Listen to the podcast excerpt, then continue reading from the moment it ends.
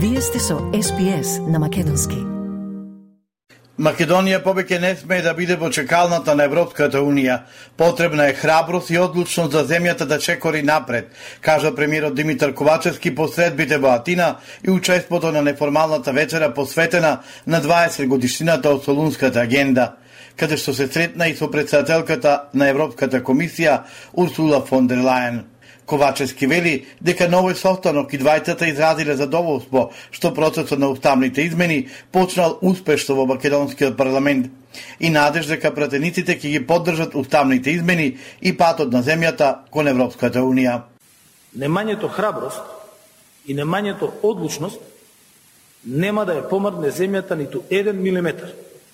Така како што Хрватска веќе стана земја членка на Европската Унија, доколку не носиме одлуки, И доколку имаме политичари кои што велат да се чека, тогаш ќе се случи и Хрватска, и Црна Гора, и Албанија да отидат пред нас.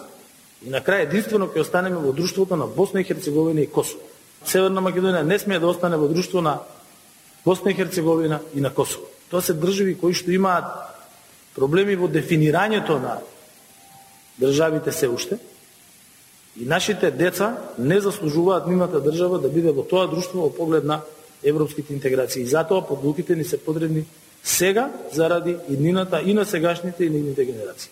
Шефицата на Европската комисија Урсула фон дер Лејен се надева дека сите страни во Македонија ќе ги поддржат уставните измени. Вели дека ова е со цел придвижување на земјава на европскиот пат. Цитирам: Македонија припаѓа во ЕУ, напиша на социјалната мрежа Твитер фон дер Лајен по неформалниот состанок на лидерите од Западен Балкан и ЕУ во Атина.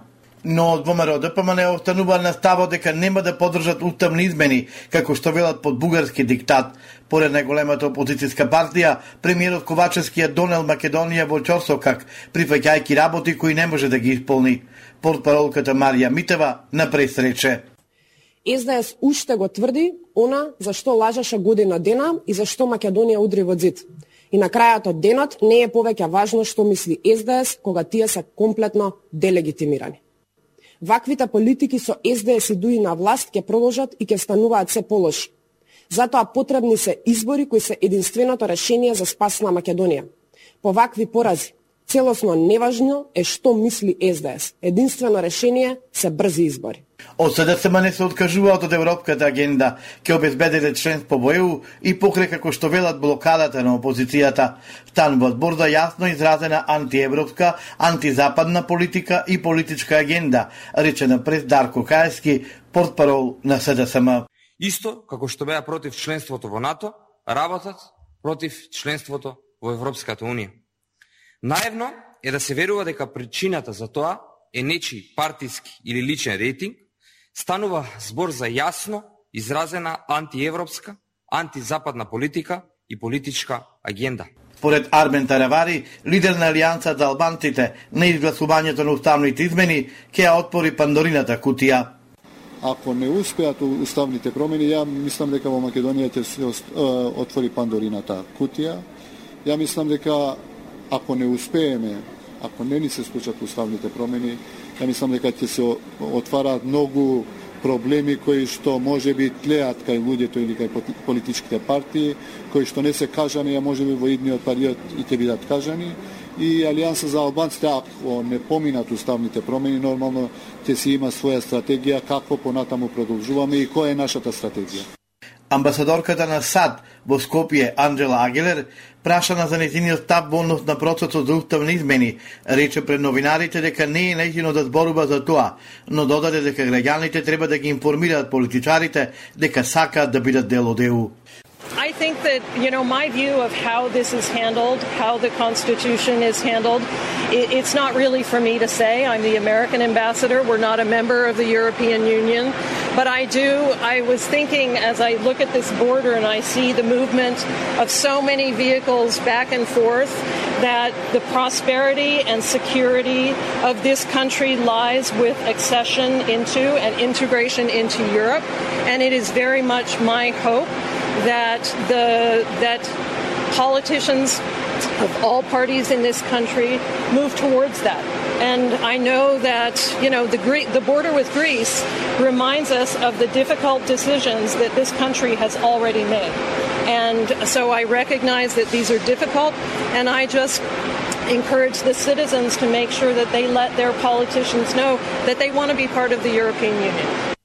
Со донација на боди камерите од амбасадата на САД кои се наменети за документирање на полициското постапување во успорување на работни задачи, како и на двете специализирани возила за откривање на радиоактивен материјал или радиолошка заштита, едното за регионалниот центар Југ, а другото за регионалниот центар Север, дополнително се зголемува квалитетот и ефикасноста во работењето на македонската полиција, изјави министерот за внатрешни работи Оливер Спасовски кој со амбасадорката на САД во земјава Анджела Агелер беше во посета на граничниот премин Богородица. Спасовски потенцираше дека владата на САД преку амбасадата на САД во Скопје е најсилниот партнер и соработник во дело на интегрираното гранично управување низ низа на програми и проекти кои заеднички се интегрирани. Македонското друштво Илинден од Тирана најостро ги осудува произволните и крајно навредливи изјави во однос на населението во област Мала Преспа како бугарско, во однос на реализирањето бесплатни здравствени прегледи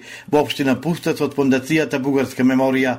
Во реакцијата се наведува дека Фондацијата Бугарска меморија објавила дека од 18 до 20 овој месец лекари од Бугарија вршиле бесплатни превентивни прегледи во областа со бугарско население во Република Бугарија. Цитирам, Секому е јасно дека бугарската држава со години врши невиден притисок врз македонското национално малцинство во Република Албанија. Фактот што ефектот од сите тие фрлени средства за денационализација на македонците во Албанија досега не го донесе посакуваниот ефект.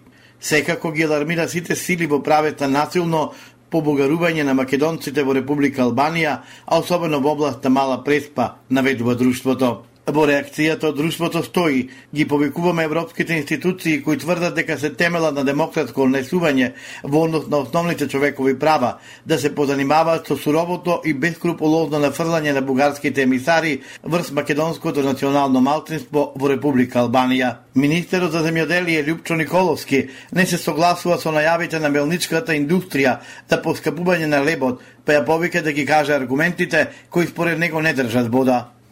Ова е специфична година во која што цената на житото на светските берзи беше преполовена, но и нашата мелничка индустрија се снабди со суровина која што е по цена од 11 денари, не по цена од 20 денари. Електричната енергија, за разлика од минатата година, исто така е стабилизиран пазарот а, и, и цените. А, треба да одговорат кои се аргументите. Зошто некој би барал покачување на цената на, на левот, на грбот на граѓаните, кога мелничката индустрија се снабди со драстично поевтина суровина оваа година. И токму затоа нашата поддршка е со дополнителна поддршка на тие кои што го произведуваат житото, а тоа се а, земјоделците. Со директна помош вредна 5 милиони евра, владата ќе се обиде да го спречи поскапувањето на основните прехрамбени производи. На производителите на пченица ќе им даде по 3 денари за килограм произведена, предадена или складирана пченица. Ќе ги покрие и трошоците на производителите на рано градинарски култури. По 35 денари за килограм ќе добијат производителите на домати, а по 30 на храставици. Сакате ли да чуете повеќе прилози како овој? Слушате подкаст преку Apple Podcasts, Google Podcasts, Spotify или од каде и да ги добивате вашите подкасти.